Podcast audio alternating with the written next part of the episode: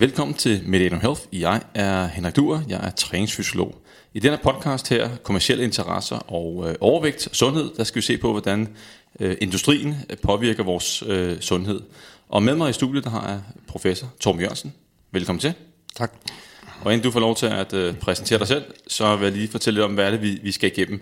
Og øh, jeg synes, at øh, det som øh, det har faktisk været utrolig meget ved medierne, øh, det med de kommersielle interesser og ikke mindst forskning. Øh, de fleste har nok hørt om den her kødskandale fra Aarhus øh, Universitet. Den vender vi selvfølgelig øh, kort, men det er lige præcis det, øh, det område her, at øh, den her podcast øh, omhandler. Og øh, vi skal selvfølgelig høre lidt om øh, Torbens baggrund. Øh, vi skal høre lidt om hans erfaringer med industrien. Er han blevet forsøgt påvirket? Er han har haft nogle interaktioner med øh, de store spillere fra fødevareindustrien og måske tobaksindustrien? Øh, vi skal tale om lidt om øh, fedmeudviklingen i, i den menneskelige verden, specielt i Danmark også. Øh, har det her en indflydelse, øh, de kommersielle interesser? Øh, hvordan kan firmaerne, øh, de store virksomheder, påvirke øh, vores fedmeepidemi? Vi taler om øh, reklamer, øh, PR, økonomisk støtte, sagsanlæg og, og så videre. Og øh, vi kommer ind på, hvordan øh, kan de kommersielle interesser modvirkes. Og øh, til slut så taler vi om, hvis nu uh, Torben var sundhedsminister, øh, hvordan vil han så øh, gribe tingene an, øh, sådan meget øh, kort fortalt. Men øh, velkommen til Torben, Øh, og igen, så jeg tænker, at hvis du lige starter med at fortælle lidt om dig selv, hvad du laver. Og ja, mange tak for invitationen. Jeg er læge af baggrund, øh, har været det siden 1974, øh, og har rent forskningsmæssigt altid beskæftiget mig med folkesundhed og det begreb, der hedder epidemiologi, at forstå, hvorfor folk får sygdommen. Og det har jeg jo forsket i rigtig, rigtig mange år og skrevet mange artikler om. Og øhm, jeg har så været med til at bygge et meget stort center op øh, ude i Glostrup, øh, der hedder Forskningscenter for Forebyggelse og Sundhed. Det brugte jeg 20 år på at få en stærk, slagkraftig forskningsenhed, hvor vi blandt andet satte meget fokus på forebyggelse af de her kroniske sygdomme. Øhm, så ja, det var sådan umiddelbart en lang øh, baggrund inden, ja. inden, øh, og masser af erfaring inden, inden for feltet. Ja. Og øh, det vi skulle tale om i dag, det er de, de kommersielle interesser, i, i, som, som kan påvirke os på mange mm. forskellige måder. Og et, et, et godt eksempel, som øh, jeg lige var inde på i indledning, det er øh, kødskandalen. Ja. Og øh, den er jo et, et fantastisk eksempel på, hvordan øh, en stor øh, organisation, en lobbyorganisation, kan, kan påvirke nogle resultater. Hvad, hvad, hvad var det, du, jeg ved også, at den interesserer dig. Øh, hvad, hvad var det i, sådan i, i hovedtræk, øh, som, kan du beskrive kødskandalen kort? Ja, det drejer sig om, at øh, nogle forskere vil gerne undersøge forskellige, øh, forskellige produkters klimabelastning, øh, og øh, der på grund af de manglende officielle fondsmidler, vi har ikke ret mange off, undskyld, offentlige fondsmidler, øh, så må de jo søge øh, dækning andre steder. Øh, om det så forskerne selv, der har ønsket det her, eller det har været fødevare landbrug, der har ønsket det her, det er ikke sådan lige til at gennemskue. Men i hvert fald så har de haft en interaktion med hinanden, som gør, at forskningen ikke var uafhængig. Og det er alfa og omega, når man forsker, da er man uafhængig af de kommercielle og også politiske interesser, der kan være inden for et område. Det man så er bange for, når man bliver finansieret af de her kommersielle interesser, det er jo, at man ikke bliver ved med at få penge til sin forskning. Det vil sige, at man skal jo ikke bide den hånd, der fodrer en, plejer man gerne at sige. Men det nytter ikke noget. Hvis man skal have ordentlig forskning, så skal det være uafhængigt. Og det var det bestemt ikke her. Der fik øh, ved nu, lobbyorganisationerne Fødevare og Landbrug lov til at gå ind og påvirke hele processen, og det kan beskrive visse afsnit. Det har også været nogle ganske hårde konsekvenser for instituttet, hvor institutlederen nu er blevet fyret, kan jeg forstå. Hold op, den, mm. men, men det er jo også det, er jo det med at være uvildig, mm. og det er, at øh, var der landbrug og fødevare, øh, der sådan stod bag, havde sendt pengene videre.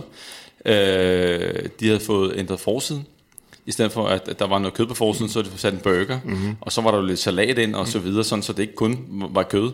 Øh, havde de også skrevet forordet. Øh, der var også, øh, med efterfølgende kommunikation med pressen, havde de også øh, haft en finger med, med i spillet.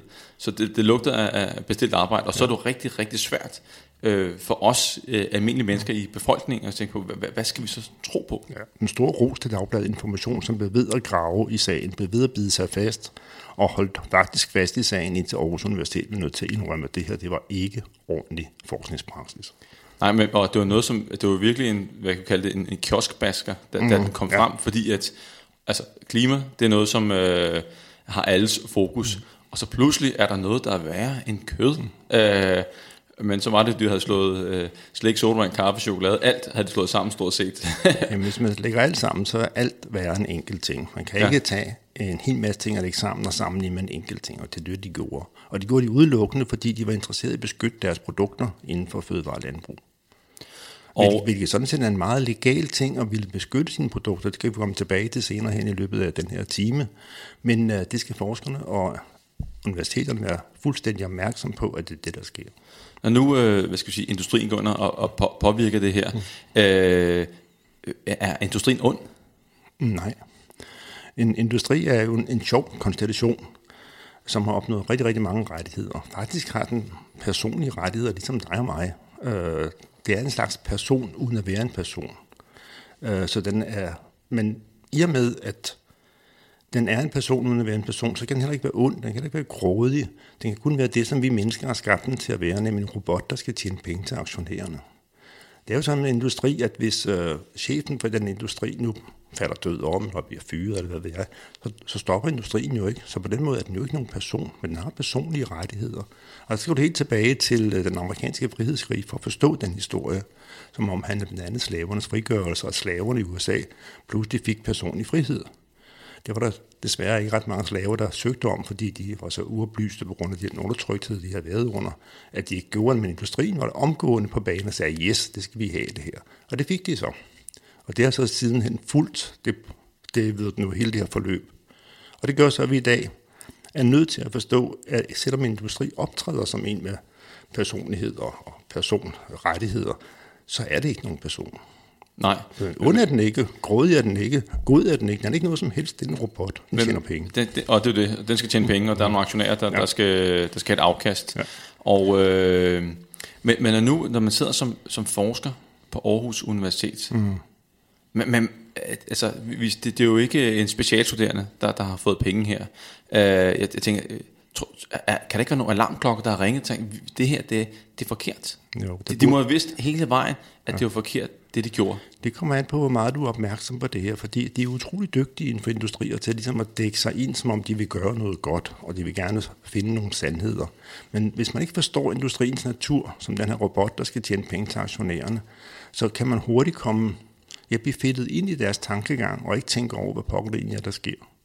Det, at øh, jeg har beskæftiget med det her nogle år efterhånden, det kommer som nogle tilfælde for nogle år tilbage, hvor jeg pludselig får læst noget litteratur om det, finder ud af, at nu begynder jeg langsomt at forstå, hvorfor at det vi godt ved, det gør vi ikke. Og det gør vi ikke, fordi der er nogle meget, meget magtfulde økonomiske strukturer, der kæmper den anden vej.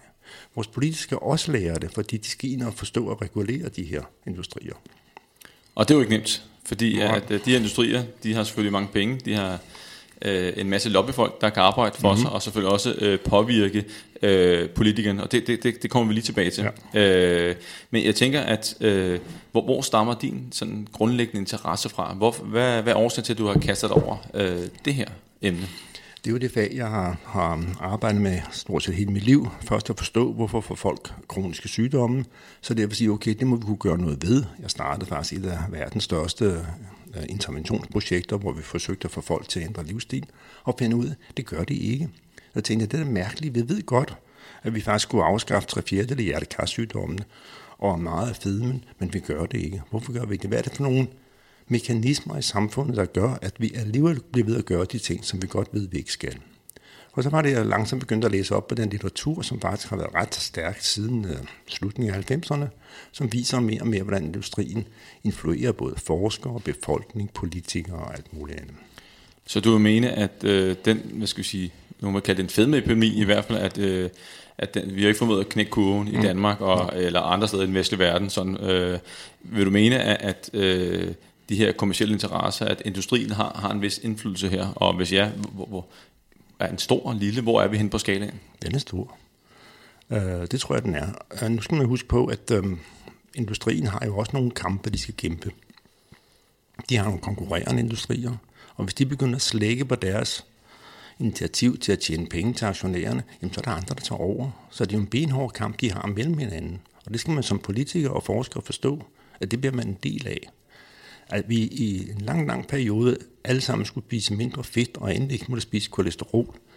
det var en kamp mellem sukkerindustrien og fedtindustrien, hvor Jutkin, en engelsk eller amerikansk forsker, faktisk tilbage i 70'erne, 60'erne og 70'erne, fortalte, at sukker er faktisk rimelig skadeligt, og vi har ikke brug for det. Hvor fedtstoffer har vi brug for.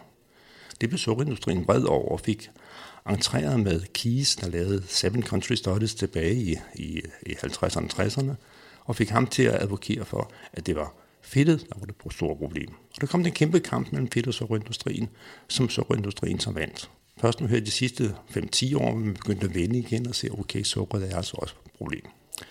Så ingen tvivl om, at øh, industrien har en interesse for, øh, for os at påvirke til at købe mere, men det går så ud over også, hvad skal vi sige, den viden, vi, vi får, mm. øh, men også øh, måder til at påvirke os til at måske at købe øh, ting.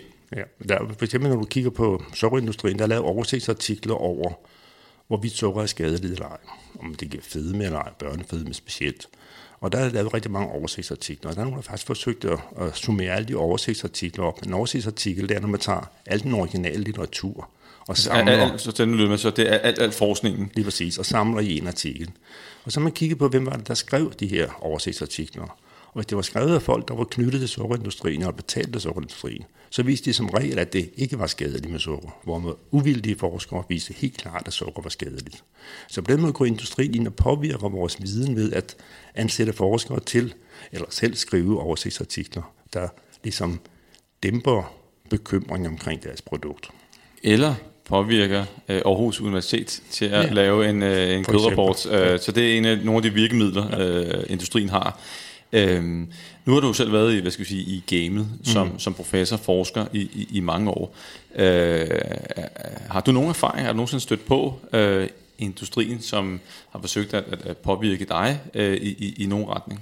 Ja, vi havde et fantastisk eksempel. Det er ret mange år siden. Dengang var jeg ikke så opmærksom på industriens rolle, men vi skulle til en stor øh, verdenskongres om fødevareforskning i Bangkok. Og tre af mine forskere var med. De havde fået, to af dem havde fået accepteret orale præsentation, altså holde et foredrag, og den tredje forsker bare fået lov til at en post, og det er ikke så fint i kongresser. Og jeg skulle med til at passe på den. Øh, og vi fik så at vide, inden vi tog afsted, at øh, et stort firma, fødevarefirma, kontaktede de to forskere, der havde oral præsentation, og sagde, at de ville gerne betale deres rejse. De kom ind til mig og spurgte, hvad var det? Så det ved jeg da ikke, det er nok bare spam-mail, altså der kommer så meget pjat på mailen. Men de holdt fast, det ville de gerne. Så tænkte jeg, okay, vi havde ikke ret mange penge som institution, så det var da godt at få betalt et par rejser. Og lige, lige der, det er jo også vigtigt lige at pointere, at når man ikke har mange penge, og man er afhængig af andre midler udefra, så, så, så er man jo lettere på virkelig. Det er man nemlig, ja. og det skal man hele tiden være opmærksom på. Vi tog afsted til Bangkok, øh, og de kom til middag med den der industri, de to øh, unge damer, og syntes, det var mægtig hyggeligt, og sagde, hvad med pengene? Der var, det havde de ikke hørt noget om. Men den dag, vi skulle rejse hjem, der blev kaldt op til receptionen i kongresscenteret, og fik en stor brun kuvert hver især, fyldt med penge i lokal valuta de kom tilbage og spurgte, hvad var det? Så jeg, det er vel de penge, I skal have for jeres rejse. Ikke nogen følgeskrivelse. Jeg gik op til receptionen og spurgte, hvor havde de kunne være derfra. Det vidste de ikke. De skulle bare give til de to damer. Så satte jeg sådan ned og talte alle pengene, og fandt ud af, at det passede fuldstændig til, hvad to ture til Bangkok med hotelophold og det hele kostede. Vi skrev så ned på et stykke papir, hvor mange penge der var. Alle fire skrev under, tog med hjem til Danmark og satte min på vores konto. Havde man måske været lidt mindre skal man sige, ærlig, eller hvad vil jeg sige, så kunne man godt have fundet på at gå hjem og sige, nej, jeg fik ikke nogen penge. Det lyder næsten som noget for en, en spionfilm. Ja, jeg synes, det var, det var, det var højst besynderligt. For der, der, blev, der blev jeg vækket ganske voldsomt, vil jeg sige. Og, men i, i nyere tid har du også selv haft øh, hvad skal jeg sige, en, en konflikt med øh, en større virksomhed, som... Øh, Øh, jeg tror, I har lavet en kronik eller noget, et mm. indlæg i en avis. Kan du fortælle lidt om, hvad, hvad, hvad, hvad skete der der? Der blev vi eller ikke vi blev ikke, men det blev vores chefer kontaktet af, af British American Tobacco, som følte sig, øh, de følte sig beklikket over, at vi havde skrevet en kronik i Jyllandsposten, mener det var, hvor der var en fejlagtig oplysning om en engelsk sundhedsminister. Det blev vi jo opmærksom på, og den rettede vi selvfølgelig, det tog øh, Jyllandsposten også op og rettede den lille fejl, der var i den. Men ellers var det en klar kritik af tobaksindustriens virkemidler. De forsøgte så at true os med at tige stille ved at anmelde os for videnskabelig uredelighed, mig og min kollega. Det synes udvalget for videnskabelig uredelighed var noget pjat, det ville de ikke tage sig af, men deres advokater holdt fast, det skulle det. Og lad os lige holde lige videnskabelig uredelighed, fordi at, øh, jeg er sikker på, at der er mange, der sidder og lytter med, øh, ikke ved, hvad videnskabelig uredelighed går ud på. Men, men det er jo lidt, at hvis man bliver dømt øh, som forsker øh, for videnskabelig uredelighed, så det er ligesom dødstødet for ens karriere. Det, så, så er man sat ud af spillet. Det kan det godt være, fordi der bliver man så ligesom stemplet som en, der ikke har orden i tingene. Så det er jo klart, at det er ikke en, en rar ting at få. Men øh, heldigvis så tog udvalg for videnskabelig øh, uredelighed sagen op, og der gik vist et par måneder, tror jeg, så fik vi en lang skrivelse på, jeg ved ikke hvor mange sider, hvor der stod, at vi var ganske redelige, der var ikke spor problemer med vores forskning. Men det er jo en måde at prøve at true os på for os til at tige stille og, og lade være med at kritisere industrien.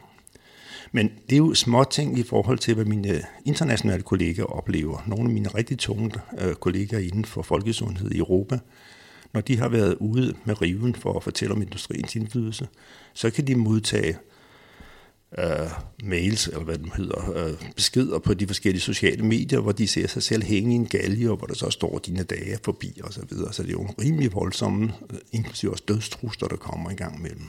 Og der er jo ikke nogen tvivl om, uanset om det er dødstrusler, mm. eller hvad det nu måtte være, øh, videnskabelig uredelighed, det kan da ikke undgå at påvirke folk. Det gør det, selvfølgelig. Og påvirker det dig? Uh... Jeg er stedig. Jeg tænker, pokker man ej. Uh, jeg har da tænkt mig at fortsætte den her, fordi som min gode kollega, jeg nævnte, det er, der havde fået dødstrusler over, over Twitter. Han sagde, at det, det er fint, Torben. Nu er der fat i den lange ende. Hold endelig ved. For det, der betyder bare, at nu er industrien begyndt at lægge mærke til, at du er ved at kritisere den. Men om de dødstrusler kommer fra industrien, det vil det selvfølgelig aldrig sige. De kommer fra andre personer, men hvad det er for nogle personer, ved man jo aldrig, fordi her de sociale medier kan man ikke rigtig finde ud af, hvem der er afsender. Nej, men man kan sige, at øh, man kan også nemt forestille sig, at når der er så mange på, penge på spil for, for, for industrien, mm. at de har et, øh, et apparat, som, som bliver rullet ud hver gang, at der, der kommer en kritik. Og så har de sikkert forskellige ting i værktøjskassen, øh, de er kastet efter øh, folk, for det. måske at, at kyse dem, øh, også på den lange bane. Det kunne man godt forestille sig, ja. Men summa summarum, så er det ubehageligt at blive udsat for sådan nogle ting. Men øh, man skal bare være klar over, når man bevæger sig ind i det område her, hvor der er rigtig store penge på spil, så får man den slags beskeder. Og øh, når nu man så skal lave sin forskning, øh, så er det vigtigt, at man er øh, så uvildig, og man ikke har mm. øh, helst ingen øh, interessekonflikter. Øh, øh, og det kan man sige, hvis vi tager tilbage til Aarhus-skandalen, jamen, så er der masser af interessekonflikter mm.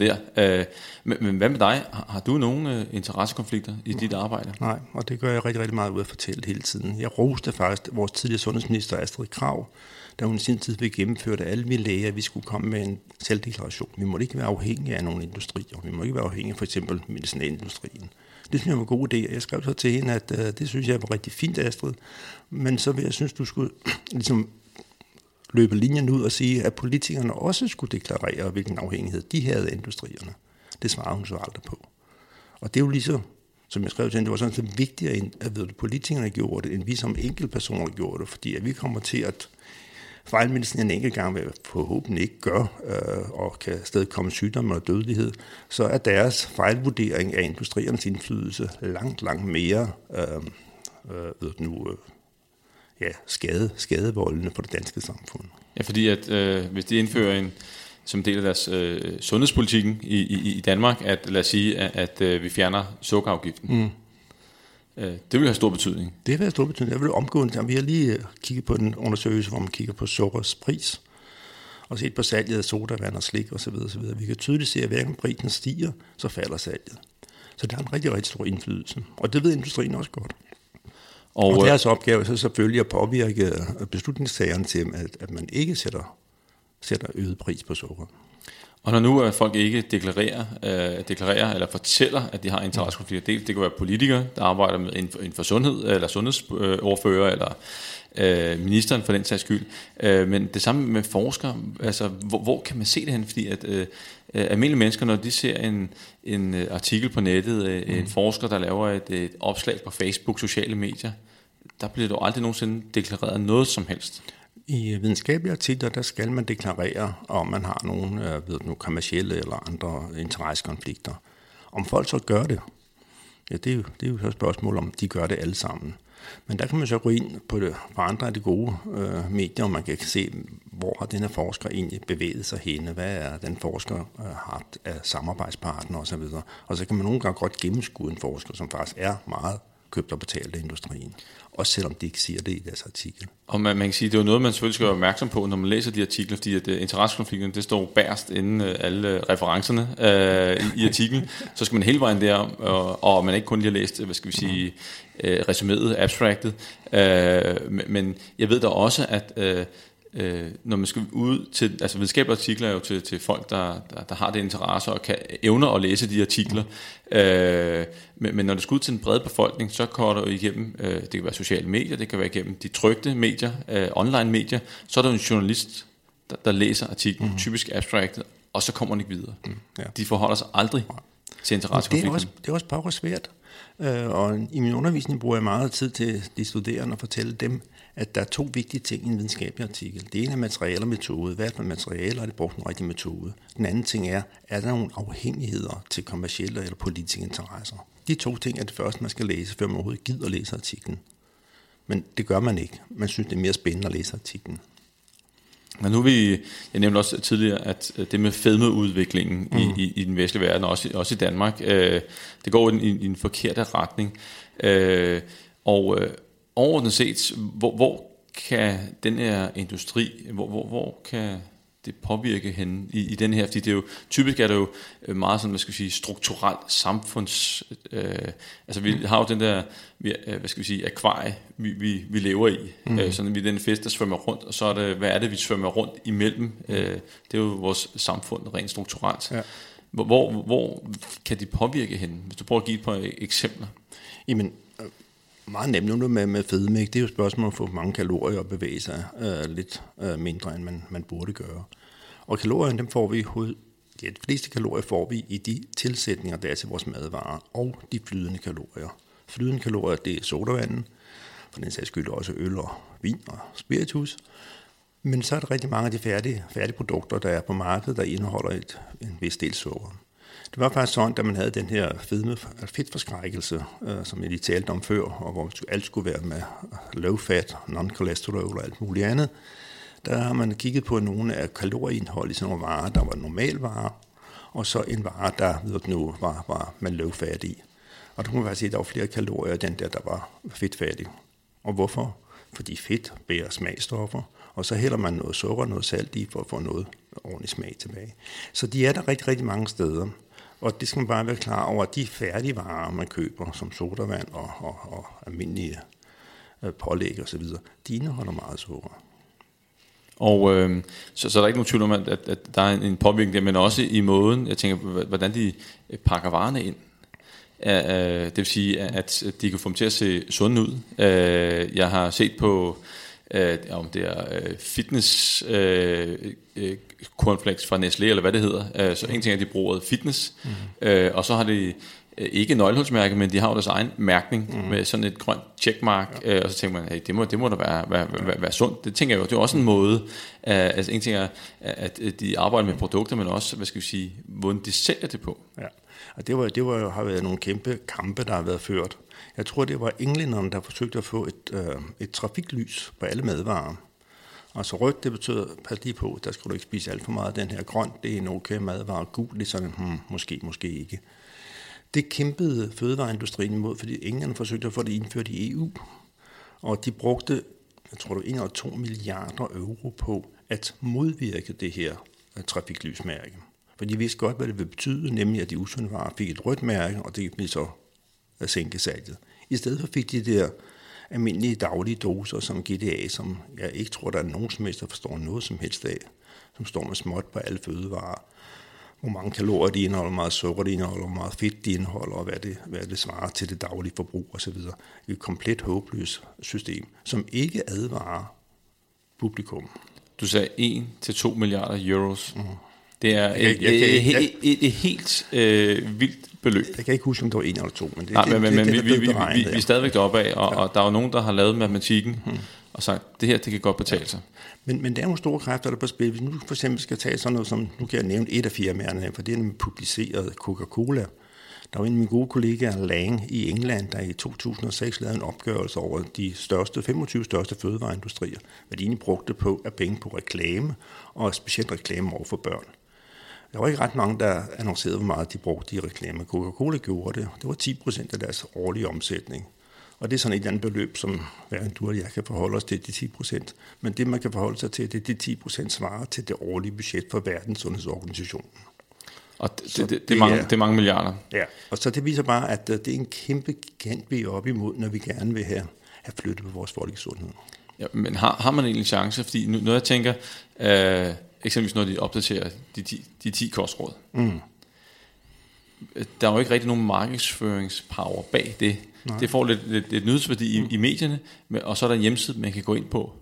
Men, men, men det er vel et, et enormt ulige forhold, når man skal fortælle, hvad der er godt for en, og så har man nogle andre, der har nogle andre markedsføringsbudgetter, som kan lave reklamer, som kan påvirke måske forskere, mm. som kan påvirke det, vi kalder influenter øh, på, på sociale medier. Øh, og så, så drukner det, man, det, man ser jo aldrig, øh, hvad skal vi sige, øh, kostrådene eksempelvis. Nej. Og det er hver gang det offentlige Danmark, eller det offentlige øh, et virksomhedsland, bruger nogle penge på at fortælle, hvad der er sundt og usundt, undskyld, øh, så bruger industrien et meget større beløb på at reklamere for deres fødevarer. Læg mærke til, at der er jo aldrig nogen reklamer for sunde fødevarer. Det er stort set altid usunde fødevarer. En italiener har forsøgt at opgøre reklamer for børn i fjernsynet. Og der, man kan jo tage den der traditionelle kostpyramide, hvor det, hvor det sunde ligger i bunden, og det usunde i spidsen. En pyramide kan du vende om, når du kigger på reklamekroner. De bruger alt reklamekronerne på at reklamere for de usunde midler. Og, øh, og det er måske lidt, lidt en pangdang øh, i, i, i fitnessbranchen, sundhedsbranchen. Øh, nu befinder jeg mig i, primært i fitnessbranchen. Der er jo altid nogle, no, nogle skrøner, myter, der aldrig vil dø. Uanset hvor lang tid siden det er, at sådan som en fedtforbrændingszone eller andre ting er blevet aflivet. Det er bare for at sige, at, at, at øh, selvom man egentlig godt ved bedre, så er der bare nogle andre kræfter på nettet, øh, sociale medier, folk med mange følgere, der har en anden holdning, og så bliver man simpelthen... Øh, der ser den kørt over i, ja, i, i mediebilledet. Ja, ja.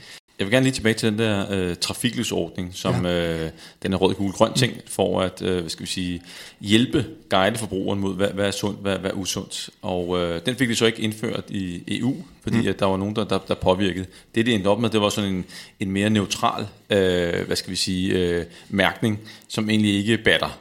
Ja, øh, jeg, jeg så faktisk... Jeg så og for, familier, der ikke altid er rigtige, fordi deres... Øh, øh ved nu, portionsanretninger øh, svarer overhovedet ikke til det, man spiser. De er meget mindre. Så man tror, man spiser mindre, hvis man prøver at give læse dem overhovedet. Og ja, jeg har også apropos portionsanretninger. Når de skriver en anbefalet portionsstørrelse, mm. hvor, hvor kommer det fra? Ja, det, det, det er godt at vide. I hvert fald så svarer det ikke til det, vi spiser. Nej, og også når de laver poserne. Øh, det var en kollega i branchen, som øh, fortalte, at øh, det var en lille chipspose på mm. 35 gram, eller var det 40 gram, en lille snackpose. Men den anbefalede portion, der stod på bagsiden, det, det var 15 eller 20 gram. Ja. Og når du først har åbnet en pose med 35 gram, så efterlader du aldrig nogensinde de 15 gram. Det er jo, det er jo helt den, den teknik, der hedder størrelse af den vare, du køber. Der har du også inden for, for flasker øh, med, med sodavand i, at øh, hvis du nu køber en 2 liters eller halvanden liter sodavand. Da jeg var barn, der fik man en på 125 ml, så vidt jeg huske, men jeg er også ret gammel. Øhm, og det gør man selvfølgelig, fordi at det sammenlignet med en hel masse af de der mindre flasker er meget billigere at købe. Og det synes forbrugerne selvfølgelig, det selvfølgelig skal vi spare. Men det, de er opmærksom på, det er, at hvis de køber de to liter, så drikker de også de to liter. Så en af de ting, man kan gøre i den sammenhæng her, det er at sige, at der skal lovgives omkring størrelsen på de her solvandsflasker. Højst for eksempel 250 ml. For så kan man jo sige til forbrugeren, du har stadig frihed til at købe 8 flasker med hjem, hvis du vil have 8 liter, eller 2 liter. Men det gør forbrugerne ikke, og det ved industrien udmærket godt, det gør, så derfor kæmper de imod. Selvfølgelig. Når du kommer ned i, i uh, Netto, eller hvor der er, og du kan købe en, en halv liter cola for 16 kroner, men lige ved siden af, der står 2 liter cola for 12 kroner. Ja, det er præcis. Altså, selvfølgelig. Ja. Men man næsten man føler sig næsten dum, hvis Lige man præcis, ikke ja. Og der, der skal man hele tiden være, have den bevidsthed med, ikke? og i, når man går i supermarkedet, så bruger man meget, meget få sekunder på hver vare, fordi det, man ligesom bliver fanget af, det er et eller andet, der ser godt ud, et godt tilbud. Og så videre nu igen med de her læskedrikke, de står i flere steder i de store supermarkeder. Og det kan undre en lidt, de står ikke bare der, hvor sodavand står, de står alle mulige steder.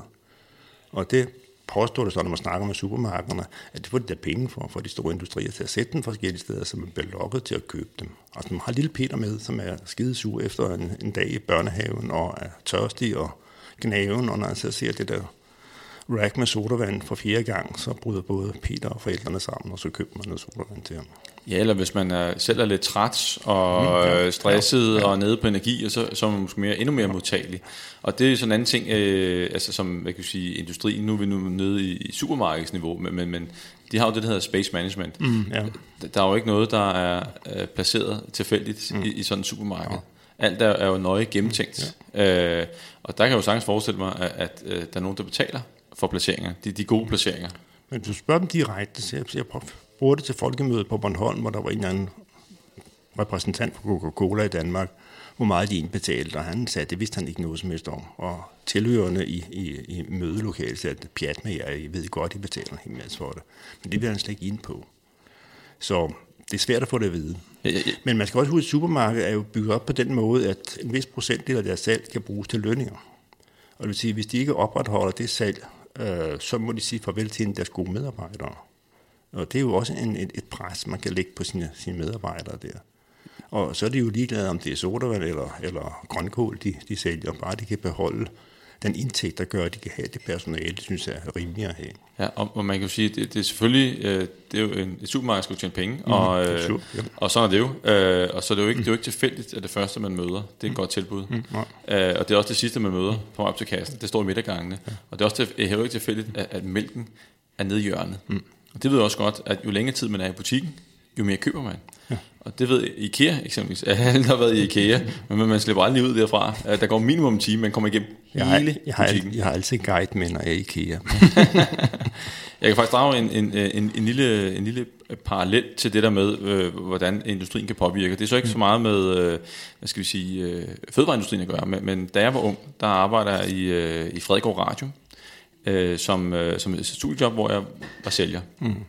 Og, øh, og så kommer folk jo altid at få, få vores anbefaling, og øh, hvilken video afspiller er, er bedst. Og så kan jeg huske, at øh, der blev kørt kampagne, og øh, lad os sige, jeg tror faktisk, at, øh, jeg ved ikke om det var øh, Panasonic, men der var et eller andet større øh, japansk øh, elektronikfirma, som kørte en, en kampagne.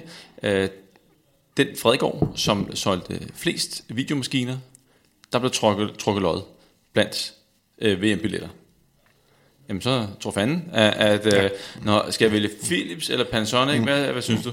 Panasonic, ja, helt ja. klart. Øh, lige så vel som der var en større provision på nogle produkter. Ja. Så, så når man går ind i sådan en butik, så øh, nej, man øh, er ikke øh, helt uvillig som sælger. Nej, det er man ikke. Og ved nu, man kan også påvirke folk på rigtig mange måder. En meget sjov artikel, jeg læste, det var om øh, køb af vin hvor man i nogle supermarkeder havde sat sådan nogle øh, vinracks op med tyske og franske vine til sådan en okay middelklassepris. Og så skiftede man til at spille tysk musik og fransk musik sådan i højtalerne der i, i den afdeling af supermarkedet, og så målte man på, på salget. Og jeg er ganske rigtig, når der var tysk slagermusik, så røg der mere tysk vin ned i kurven, når der var franske chanson, så kom der mere fransk vin ned i kurven. Så vi er påvirket hele tiden af de ting, der sker omkring os. Og det kan udnyttes på forskellige måder. Og nogen vil måske sige, det gør vi da ikke bevidst. Jamen hør nu her, hvis deres største opgave er at have sorte bundlinjetal i deres regnskab, så er de nødt til at gøre det her. Og der kan man drage stor fordel at læse Weiss både The Bottom Line og Public Health, hvor han gennemgår alle de her mekanismer, og også historien bag, hvorfor de har den magt, de har. Og det, og det var super interessant, at du kigger på øh, det med magten, og hvordan hvad skal vi sige, virksomhederne kan påvirke vores sundhed, og det er mm. også fedme i økonomien, så har, er der jo øh, forskellige redskaber, og øh, hvis vi nu tager sådan noget som øh, reklamer, mm. og vi har været lidt inde på, at, at der, blev, der var store budgetter, der blev brugt langt større end hvad skal vi sige, de offentlige sundhedsmyndigheder har, har at gøre med, og den, den er oplagt. Øh, hvad, hvad tænker du? Øh, nu er vi ikke kommet til sundhedsministerspørgsmålet endnu, men, men skal der også reguleres her? Ja, det synes jeg. Altså vi har jo et godt eksempel, for nu at tage det, der var vores største dræber, og stadig er vores største dræber, nemlig tobaksindustrien. Der er det lykkedes, og det er specielt gennem WHO og EU, en fælles front, at få begrænset reklamerne for tobak rigtig, rigtig meget. Det var en lang, lang sej kamp her i Danmark for at få gennemført de reklameforbud, men det lykkedes til sidst, og tobaksindustrien var en klar medspiller i at forhindre, at det det skete. Man lavede denne rammekonvention i WHO, som gjorde, at man måtte ikke diskutere med tobaksindustrien, man kunne informere dem om, hvad regeringen havde besluttet. Den bryder politikere sig engang imellem. Der er lige to forskere, der har fået en pris for at påvise, at den tidligere finansminister faktisk brød den rammekonvention, som er at ligestille med dansk lov. Så jo, de, øhm, øh, de vil meget, meget gerne påvirke, men øh, reklamen, den er der jo hele tiden. Nu er jeg heldigvis så gammel, så jeg kan huske, at der ikke var reklamer hele tiden. Jeg kan huske, at tv-avisen kom kl. halv, halv otte om aftenen, tror jeg det var, da vi overhovedet fik fjernsyn derhjemme, og der var altså ikke reklamer. Nu er vi jo sovset ind i reklamer hele tiden, ligegyldigt hvor vi bevæger os. Gå ind på internettet, så står der reklamer. Når man lige har været inde og søge på en eller anden sko, man gerne vil købe, så er der reklamer for de skide sko øh, de næste mange gange, man åbner internettet. Og, og vi ved jo, de virker. Og vi ved, det virker, for ellers vil de aldrig gøre det. Præcis. Ja. de vil og, ikke spille penge. Og, og de bruger jo store penge på at ja. øh, forske eller studere, øh, hvordan det påvirker forskellige målgrupper, placeringer og, og alt muligt andet. Og det samme med, ved nu, de, de madvarer, de så giver os, det er jo, han altså laboratoriet for at madvarer, meget, meget af det junk food, som er øh, i forhold til store øh, burgerkæder, det er, jo, det er jo mad, der er fremstillet på en sådan måde, så man føler sig øh, mere tilbøjelig til at spise noget mere. Det stimulerer, sti, øh, undskyld, stimulerer dopaminsystemet op i hjernen, så ligesom siger, at det er som et belønningssystem, så vil man gerne have mere. Og det har der også skrevet nogle fantastiske bøger om. Øh, øh, hvad hedder han, Richard Moss, en øh, videnskabsjournalist i USA, der havde gennemgået, hvordan fødevareindustrien konstruerede deres madvarer, så vi fik lyst til at spise mere af dem. Øh, og det er også en meget, meget læseværdig bog. Øh, Fat Sugar and Salt, How the øh, Food Giants Hooked Us. Og der ser han for eksempel sådan som Kentucky Fried Chicken, der var måske nok noget kylling engang, det er der nok stadigvæk, men det er så belagt med et lag af sukker, fedt og salt, sukker, fedt og salt. Lige præcis til du får den der dejlig fornemmelse i munden, to tyk og ned med det, og så vil man gerne have mere. Og, og, så, og så knaser det samtidig. ja, så knaser det samtidig. så, så skal man, øh, skal man forbyde øh, reklamer, måske mod, øh, rettet mod børn, voksne, eller er det, øh, der, der er jo nogen, der vil sige, øh, at jamen, øh, vi, vi har da et frit valg. Mm. Vi, vi, vi kan da ja. selv vælge. Ja, det bilder vi os selv ind, vi kan. Og det kan vi også langt hen ad vejen. Men det kræver nogle ressourcer for det enkelte menneske at, at tage det frie valg. Øh, og der er det, vi ryger over det begreb, der hedder social ulighed, at de folk, der er ressourcestærke, og det er som regel det, mange af de folk, der er i de øvre sociale lag, de kan måske godt modstå det, men det kan resten af befolkningen ikke. Så på en eller anden måde, at forbyde reklamer, det ved jeg ikke. Jo, for tobak synes jeg, det er helt fint. Men vi skal til at regulere reklamerne. Fordi hvornår må de sende den? Skal, må, de, må de sende det, når børn sidder og ser fjernsyn for eksempel? Det synes jeg ikke, de må. Børn er en meget, meget sårbare gruppe, som vi skal passe mordeligt på, og de er meget påvirkende, mere påvirkende end også af reklamer. Ja, man kan jo sige, at, at, at øh, hvis man jeg læste et eller andet sted, jeg uh, tror det var Leeds, de havde nogle, mm. øh, nogle tal på, på børn og overvægt, at hvis du var øh, overvægtig som femårig, så mm. var der 95% risiko for, uh, eller man kan sige, der var 5 ud af 20 øh, undskyld, 5 ud af 100, som var blevet normalvægtige til den ja. tid. Så det, det er stort set alle, der fortsætter med at være overvægtige. præcis, ja. Og de går hen og bliver overvægtige ja. forældre, og, og, og, og, og, og så videre. Så man kan sagtens forestille sig noget, noget uh, regulering her. Øh, hvad med sådan noget som øh, PR, når vi... Mm. Øh, det var en anden form for, hvad skal jeg sige, det er jo ikke reklame, men, men, men man påvirker på en anden måde. Hvordan øh, fungerer det? Det fungerer også meget fint. Um, um, hvis der er nogle ældre lyttere til det program her, så vil de jo nok kunne genkende til begrebet henry, hensynsfulde ryger, hvor en læge Tage os stod som, som eksponent for, at selvfølgelig er det ikke farligt at ryge, og vi ryger skal nok tage hensyn til andre, så det ikke går i vores røg og damp osv. Det var massivt finansieret af tobaksindustrien. Han fik så også en næse fra lægeforeningen for sine aktiviteter. Men den type øh, forbruger, øh, skal man kalde det, forbrugerorganisationer, dem er rigtig mange af. Center for Consumer Freedom, som hvis nu hedder noget andet, er massivt sponsoreret af junkfoodindustrien, sukkerindustrien og tobaksindustrien. Og de spiller jo på den meget, meget almindelige ting og fornuftige ting. Der er der ikke nogen, der skal bestemme over dig her, Jensen. Vel, du har da dit frie valg. Det går der ikke. Regeringen går og bestemmer over dig. Nej, du skal selv have lov til at vælge. Men deres gode dagsorden er, at de vil ikke have nogen regulering fra regeringens side, så taber de salg. Fordi de ved, at vi har Øh, og det er igen definitionen af frit valg, hvordan man opfatter det. Ja. Øh, men, men, men, men industrien ved jo godt, at, øh, at det påvirker os ja. i, i salget. Fordi man kan forestille sig, hvis, hvis al, alle ting var pakket ind neutralt i, i butikker, mm. eksempelvis, og man ikke måtte, måtte reklamere, jamen så ville deres salg sandsynligvis gå ned, og hvis det blev stillet ned bagerst i butikken, i stedet for mm. forrest i butikken, så, så ville der være en, øh, en, en påvirkning der. Øh, hvad, hvad med, vi har været inde på, på lobbyisme, ja. øh, og, og det, øh, kan du forklare lidt mere, hvad, hvad går lobbyisme egentlig ud på til dem, som sidder og lytter med? Jamen, det går ud på, at man som interessant for et eller andet firma, eller det kan også være mig som, som public health, men øh, der har en interesse, vil gerne påvirke beslutningstagere. Og så går man ind og forsøger at snakke med dem, man kan give dem penge, man kan gøre mange ting for at få dem til at gøre det, som man gerne vil have, de skal gøre. Jeg læste engang en kronik, tror jeg, i, et det dagblad herhjemme, at øh, han synes det var forkert at kalde det lobbyisme, han vil kalde det bestikkelse i stedet for. For det er sådan set det, det drejer sig om. Men jeg kan jo også godt finde på at gå op og få foretræde for Sundhedsudvalget og fortælle dem om, hvad jeg synes, man skal gøre for folkesundheden. Det er jo også en form for lobbyisme. Og det er jo på mange måder både gode og dårlige sider ved lobbyisme. Fordi man har adgang til sine politikere, det er rigtig godt, man har det. Men der er bare forskel i den måde, vi har adgang på. Hvis jeg spørger om foretræde, så går det gerne to-tre måneder, før jeg får lov til at komme ind, og så har jeg et kvarter. Hvorimod industriens magtfulde lobbyister, de har jo nærmest fri adgang til Folketinget, og de har langt flere ressourcer til at gå ind og snakke med politikerne om det. Og hvad er årsagen til, at du tror, det er sådan? Fordi at, at, øh, at indtil de kommer hurtigere til, men de har mere taletid. Mm. Øh, hvorfor siger politikerne, de, de burde jo også vide bedre. Og sige, jamen, øh, eller sundhedsfolk for den sags skyld, ja. de burde jo vide bedre, når der kommer en, så mange ressourcer har vi ikke som sundhedsfolk. okay. Nej, men, men, men, men igen tilbage til, øh, alle, alle burde jo vide, at okay, øh, de kommer med en anden hensigt, mm. og det er jo at... Jamen, de kommer jo også med den hensigt, at vi skal skabe arbejdspladser, vi skal skabe vækst i samfundet, vi skal skabe nogle virksomheder, som kan betale skat til det danske øh, velfærdsmodel, og det skal politikerne selvfølgelig også lytte efter. Så derfor er det ikke spurgt nemt for politikerne, og samtidig har de jo ikke den her indsigt i industriens metoder, som, som man må godt kunne sige, de burde have, men det er jo rimelig komplekse områder at bevæge sig ind i. Så derfor har de brug for at støtte sig til nogle, nogle institutioner, som er neutrale, og som kan fortælle dem, hvordan tingene hænger sammen. Og så lytte lige så meget til dem, som til, til ved nu fødevarelobbyister.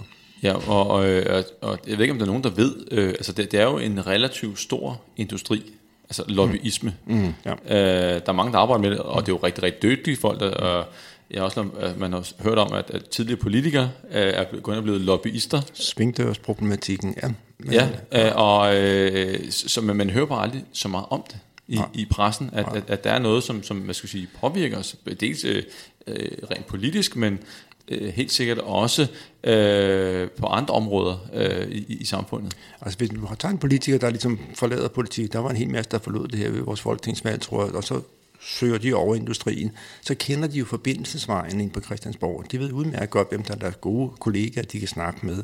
Så de har de der adgange øh, på det personlige plan, som det er svært for, for andre at, at, at komme ind over.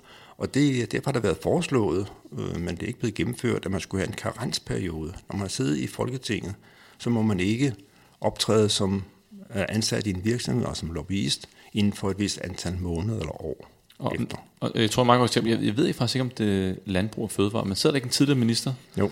Øh, i, i spidsen ja. for, for landbrug og fødevare? Hun gik direkte derover, ja. Ja, ja. og, og øh, hun har jo øh, en masse godt netværk og mm. direkte ja, adgang præcis, ja. til, til ja, en masse. Øh, og så, så Landbrug og Fødevare, altså dem, som øh, var med ind over øh, skandalen i Aarhus, mm. øh, forskningsskandalen, øh, kødskandalen, jamen, de har øh, hvad skal vi sige, dygtige folk, godt netværk på allerøverste post. Ja.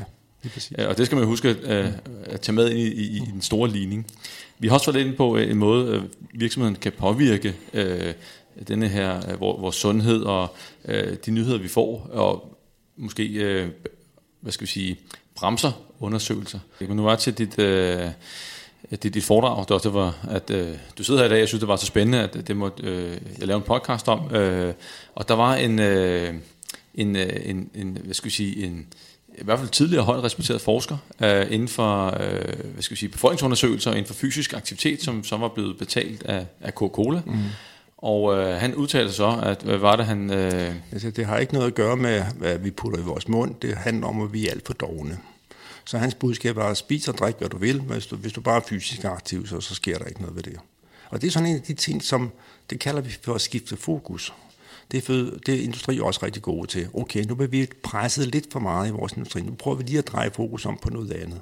Og de betaler så den her højt estimerede udenlandske øh, internationale penge inden for fysisk aktivitet til at sige mere fysisk aktivitet, mere fysisk aktivitet, pyt med, hvad vi putter i hovedet. Og så bliver man sponsoreret af, af et fødevarefirma. Og det er jo, øh, ja, og Og det er jo noget, også noget, vi, man jo gerne vil høre som, som befolkning. De ved jo også godt, hvad, hvad folk vil høre. Jamen, øh, øh, at det, det, det, det fede ikke. Vi havde også på et tidspunkt, øh, og øh, jeg kan bare huske det, og jeg kender ikke detaljerne, men vi havde også den der i, i Danmark, sukkerfeder ikke. Mm. Altså, selvfølgelig er det kalorier, der, der, der gør det, men, men at ligesom for at sige, okay, sukkerfeder ikke, det er ikke nogen bad guy, bare, mm. bare, bare spisløs. Mm. Og når man hører sådan en udtalelse, når man kigger tilbage, så kan man også have sine betænkeligheder ja. med, med sådan en, en, en, en udtalelse. Men det kan du sikkert godt huske. Ja, og man skal ikke tænke på, når man hører noget, som ikke lyder helt rigtigt, så skal man lige tænke sig om en ekstra gang og sige, okay, hvem er der lige præcis, der har plantet den historie her? Vi havde det også med tøjposer og plastikposer. Den historie blev også plantet, formentlig af plastikindustrien, der var interesseret i at få produceret nogle flere plastikposer. Og hvad var det for en historie, bare så alle med? Det var en historie, hvor man sagde, at det var meget mere forurenende at have tøjposer til indkøb, end at have købt en plastikpose hver gang. For en tøjpose skulle bruges også mange tusind gange, før den kunne betales ind i forhold til plastikposerne. Og der var nogle fejl i de beregninger også, formentlig fordi en industri havde været ind over. Og, og det er jo en, øh, hvad skal vi sige, en, en, en øh, på industriens side en genial måde at påvirke os på. Ja. Øh, fordi at, øh, det er jo en, en, en en rigtig god nyhed. Det er jo en mhm. kioskbasker af, af, tilbage til ligesom ja. med klimaet og kød. Ja. Jamen, så har vi noget med plastikpose, som også bare er op i vælten. Ja. Og, man siger, og den kommer frem hele tiden. Det er sjovt, når selvom den er tilbagevist, så kommer den frem hele tiden. Og ja, øh, bomuldsindustrien er forurenende, men altså, der er nogle forkerte præmisser, der er lagt ind. Men det påvirker altså mit barnbarn her forleden dag, som var hjemme hos mig sagde, I var der rart bedst, nu kan vi godt spise ordentlige oksebøffer. Så Nå, hvorfor det sagde så? Jo, for det er meget mindre forurenende, end at, at, spise slik og sodavand. det har han så hørt i skolen. Ikke? Ja, og hvis du ligger der, øh, som du alligevel vil gøre lidt godt for klimaet, mm. og alligevel så kan du godt lide dit, dit mm. kød, øh, og man står der sådan mm. på vippen, og så får man lige det alt overskyggende argument, okay, mm. kød forurener faktisk ikke så meget, jeg holder fast i kødet. Ja, ja. Så skal man bare huske alt det, han heller ikke skal gøre. Nå, ja, ja, ja, ja, men, det glemmer man, ja. ja, ja. Øh, og så er der en, en anden ting, som de også øh, firmaerne skal sige, arbejder med, og det, du har vel lidt ind over det, øh, det der øh, forskningsmalpraksis. Ja. Og, og, og det lyder som et, et volapyk, men for dem, som måske ikke har indsigt i den mm. verden her, hvad, hvad, hvad går det ud på? Altså, den institution, som jeg ledet her frem til for et års tid siden, da jeg gik på pension, den havde jo et ret stort årligt budget, for vi havde mange forskere ansat. Og kun en lille del af det budget blev betalt af de offentlige kasser, for flere penge havde det til. Så vi skulle hele tiden ud og søge. Vi gjorde det i meget i fonde, samarbejdspartner osv. for at få penge til resten. Og det er en benhård kamp at få de fondsmidler. Og hvis der pludselig kommer en industri og tilbyder nogle ting, hvis man nu lige forskede der, det, det kan være mægtig fristende. Men det skal man da være med. Men mindre man har et godt samarbejde med industri. Det, man kan jo også godt have et godt samarbejde med industri, det skal man huske. Så kan man bare vide, det er, hvis man trækker i samme retning. Jeg tror, det vil være svært at have et godt samarbejde med tobaksindustrien og sukkerindustrien. Men grøntsager og frugtbær og så videre, og så videre, den del af landbruget kunne man have rigtig godt samarbejde med, for det er begge to interesseret i at få, få fremmet. Ja, så kan man sige, en del af den forskningsmalpraksis er vel også, ligesom i, i Aarhus-sagen, gå ind og, at betale for undersøgelser ja. og, og, og påvirke. Men, men, men de, de kan, jeg ved ikke, om det ryger den kategori her, men, men de har jo øh, de store øh, lobbyvirksomheder, PR-byråer, som, mm. som de, de, de hyrer. Øh, og de kan jo gå ind og egentlig spille på, at det er vores egen fri vilje, og øh, det, det skal ja. folk ikke blande sig ja. i, men, men de kan jo også gå ind og sige, at det der studie, det er junk science. Mm. Det der, det, det kan vi ikke bruge til noget. Ja. Er, er, er det en metode, som... Det gør det også, og det, det, det er faktisk et begreb, som vi fandt i de øh, hemmeligstempede papirer fra tobaksindustrien, dengang de store retssager kørte i USA, der fik vi en hel masse papir ud fra tobaksindustrien. Og det var en af deres hovedformål, det er at så tvivl. Så tvivl, så tvivl, så tvivl, så ved politikere og befolkningen ikke, hvad det drejer sig om. Stil spørgsmålstegn ved alt muligt. Stil spørgsmålstegn ved nedskabelige artikel. Det kunne da være, at der var lidt fejl i det der. Det kunne være, at det kunne være gjort på en anden måde. Og det er jo en, akademisk disciplin at være kritisk over for videnskabelige materiale, men den skamrides af industrien til deres egen fordel. Så, så de, vender, de vender den om? Ja, lige præcis. Og så øh, forsøger at gå øh, så tvivl om, om øh, forskellige ja, undersøgelser? Og man kan altid så tvivl om undersøgelser. Der er ikke nogen undersøgelse, der er 100 procent. Altså, der er altid nogle usikkerheder, det, det, det bruger man også meget tid i sin diskussionsafsnit på at fortælle de usikkerheder, der er en videnskabelig undersøgelse. Men det bliver så misbrugt, vil jeg sige, af industrien til at fremme deres egne produkter.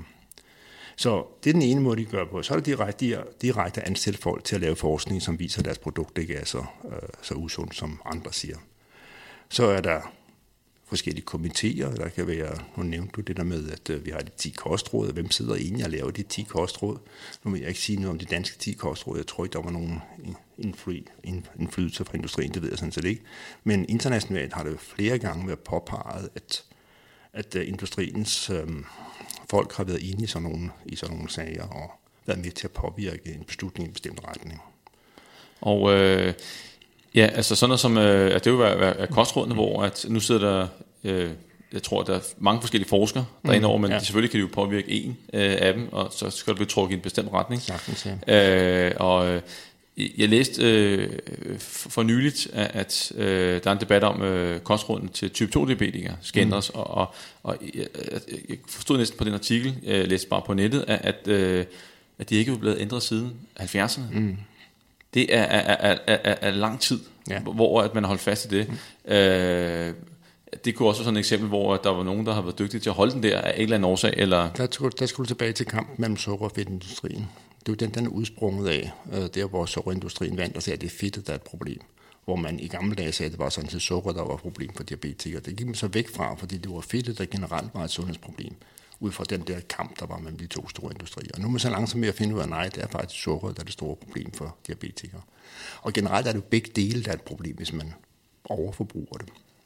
Yes, og øh, vi nærmer os øh, det, det sidste øh, spørgsmål, øh, og det var lidt med, hvis du var sundhedsminister. Øh, ikke fordi, at du skal lave din, din allerbedste råd, hvad du vil gøre, men, men hvilke tanker kunne du gøre dig? Jeg, lige, lige inden du starter med det, så kunne jeg godt tænke mig at spørge, altså den almindelige befolkning, som sidder derude, som ikke, øh, har, som ikke kan øh, opsamle videnskabelig litteratur, tolken, øh, kigge på metoderne og, og alle de ting, men som, som langt de fleste kan, kan, du, kan man give nogle råd til dem, når de, når de læser mm. noget? Er det den der, er det for godt til at være sandt, så er det nok også, eller hvor, hvor, hvor er vi henne? Er, er der godt råd, når de sidder på nettet og får alt mulig information omkring sundhed, eller går ned i butikkerne, eller ser reklamer? Sund fornuft, det er altid godt. Øh, og hvis der er noget, der ligesom strider lidt imod, hvad man har hørt før, så skal man nok lige tænke sig om, at er vidst, hvor rigtigt det kan være. Men ellers er man rimelig efterladt på herrens mark, hvis man ikke har nogen sundhedsmyndigheder, der er i stand til at rette de her ting ind. Og derfor mener jeg, at øh, en opgave for en sundhedsminister er en meget, meget stærke sundhedsmyndigheder, der kan, der kan modsvare industriens enorme pres. Og det, det kræver nogle flere ressourcer, ja, men øh, de ressourcer vil nok være tjent godt igen, hvis vi undgik at få så mange syge mennesker. Det er jo lidt latterligt, vi render rundt med en hel masse kroniske sygdomme her i Danmark, når vi godt ved, hvordan vi kan undgå at få de sygdomme. Ja, eksempelvis type 2 diabetes. Ja. Nu, nu ved jeg ikke, hvor øh, vi er rigtig højt oppe i, i, i procenter, når vi snakker om hvis, hvad, hvad livsstil, altså, øh, altså øh, forebygge overvægt mm. og være fysisk aktiv. Hvis, øh, hvor mange vil så have type 2 diabetes? Ved ikke, ikke ret mange. Altså, i, da jeg var barn, der var der meget sjældent, man havde type 2 diabetes. Der hed det gammelmandssukkersyge, og det var sådan lidt, lidt overvægtige ældre herrer, som, som kunne få det.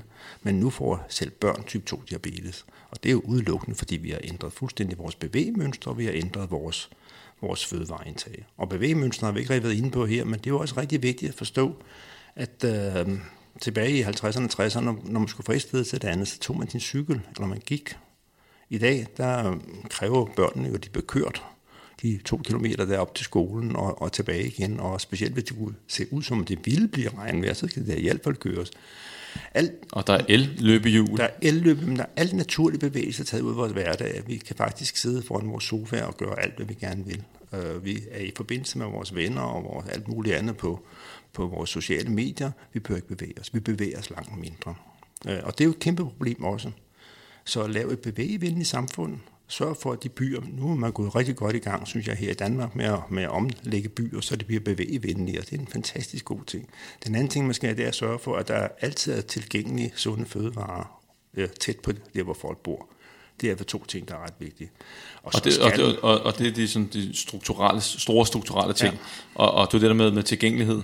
Er det der, så spiser vi det. Ja. Og går vi ind til et møde på arbejdspladsen, øh, som er et godt eksempel. Er der ikke noget, så spiser vi ikke noget. Mm. Men, men er der en, en skål med slik, frugt, hvad det nu måtte være, må ikke, at der bliver spist noget af det. Og nu er vi i gang med uh, dit job, kommende job som sundhedsminister.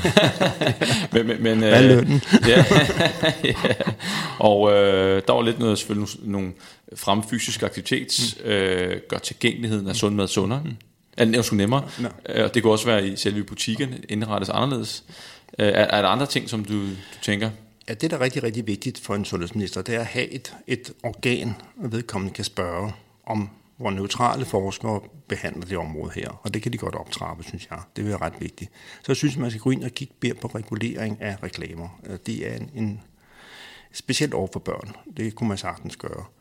Og så synes jeg også, at man som sundhedsminister skulle stræbe efter at blive det, fordi uh, det at være sundhedsminister, det burde være en af de højeste poster i et samfund. Fordi i 2010, der indførte WHO begrebet Health in All Policies. Det betyder, at sundhed ligger i alle de politikker, vi laver.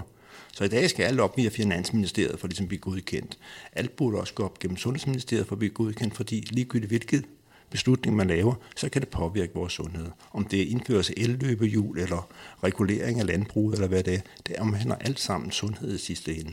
Og, og man kan sige, at, at der er jo så store beløb på spil. Mm øh, altså sundhedsmæssigt, mm. hvad skal jeg sige, omkostninger forårsaget af, af, af usund livsstil. Mm. Det, det er jo et, et kæmpe miljø, milliardbeløb, også i Danmark. Jeg ved ikke, ja. om, det, om det er, vi er oppe på tre cifre, men det er måske nok to cifre. Mm. Og, og de penge kunne man jo bruge bedre andre steder. Det og, og vi, synes jeg, man kunne, ja, men det er, det er jo så et spørgsmål, om man har det politiske mod til det, fordi når industrien først går til angreb, så går de virkelig hårdt til angreb. Øhm, så det kræver modige politikere mindes gerne den irske sundhedsminister, øh, der indførte rygeforbud på popper her for nogle år siden. Der var ramaskrig over hele verden. Man kan da ikke lade være at ryge på en irsk pop. Altså, man skulle lige tage sig sammen. Det, det, det fik han indført. Han røg også som sundhedsminister øh, ved efterfølgende valg, fordi at, øh, men han fik det indført, og popperne blev faktisk glade for, at de fik flere gæster, fordi at, øh, nu kunne man sidde i fred og ro, vi indhyldet tobaksrøg.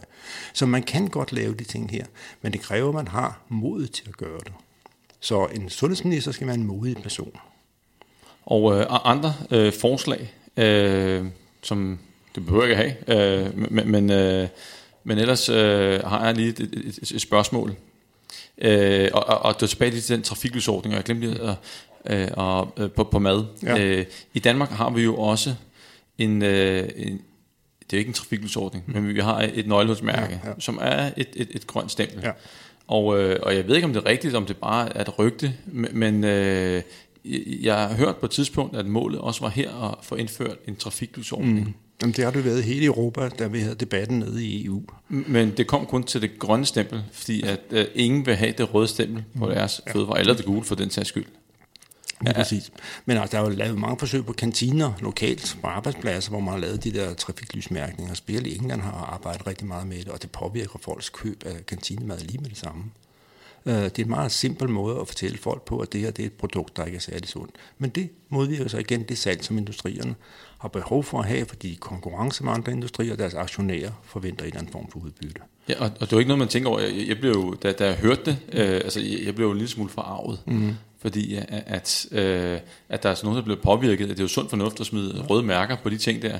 Ja. Øh, men det blev så ikke til noget, at der sad nogen og, og, og tog en anden beslutning, hvis vi kunne have de grønne mærker. Og der er vi så tilbage til dine første spørgsmål med industri er ond eller god, eller hvad den er. Det kan man ikke sige, den er, for det er slet ikke det, der drejer sig om for en industri. Industri er noget, vi har skabt. Den skal skabe penge til aktionærer. Vi har selv dannet de her mærkelige robotter, der, der tjener penge. Og de skaber arbejdspladser, de skaber alt muligt andet vækst, og, og hvad ved jeg. Men det er jo ikke, fordi de onde, de gør det her. Det er udelukkende i konkurrence med andre. Og de personer, der sidder i industrien, vil nok blive lidt sur over det, jeg sidder og siger her, for de synes da heller ikke selv, de er onde. Det tror jeg heller ikke, de er. De er bare en del af den industri, der har brug for at få et afkast på deres produkter. Og produkter, så hedder tobak, sukker, øh, grønkulshoveder, eller hvad pokker det hedder, det er sådan set ligegyldigt. Det handler om penge. Ja.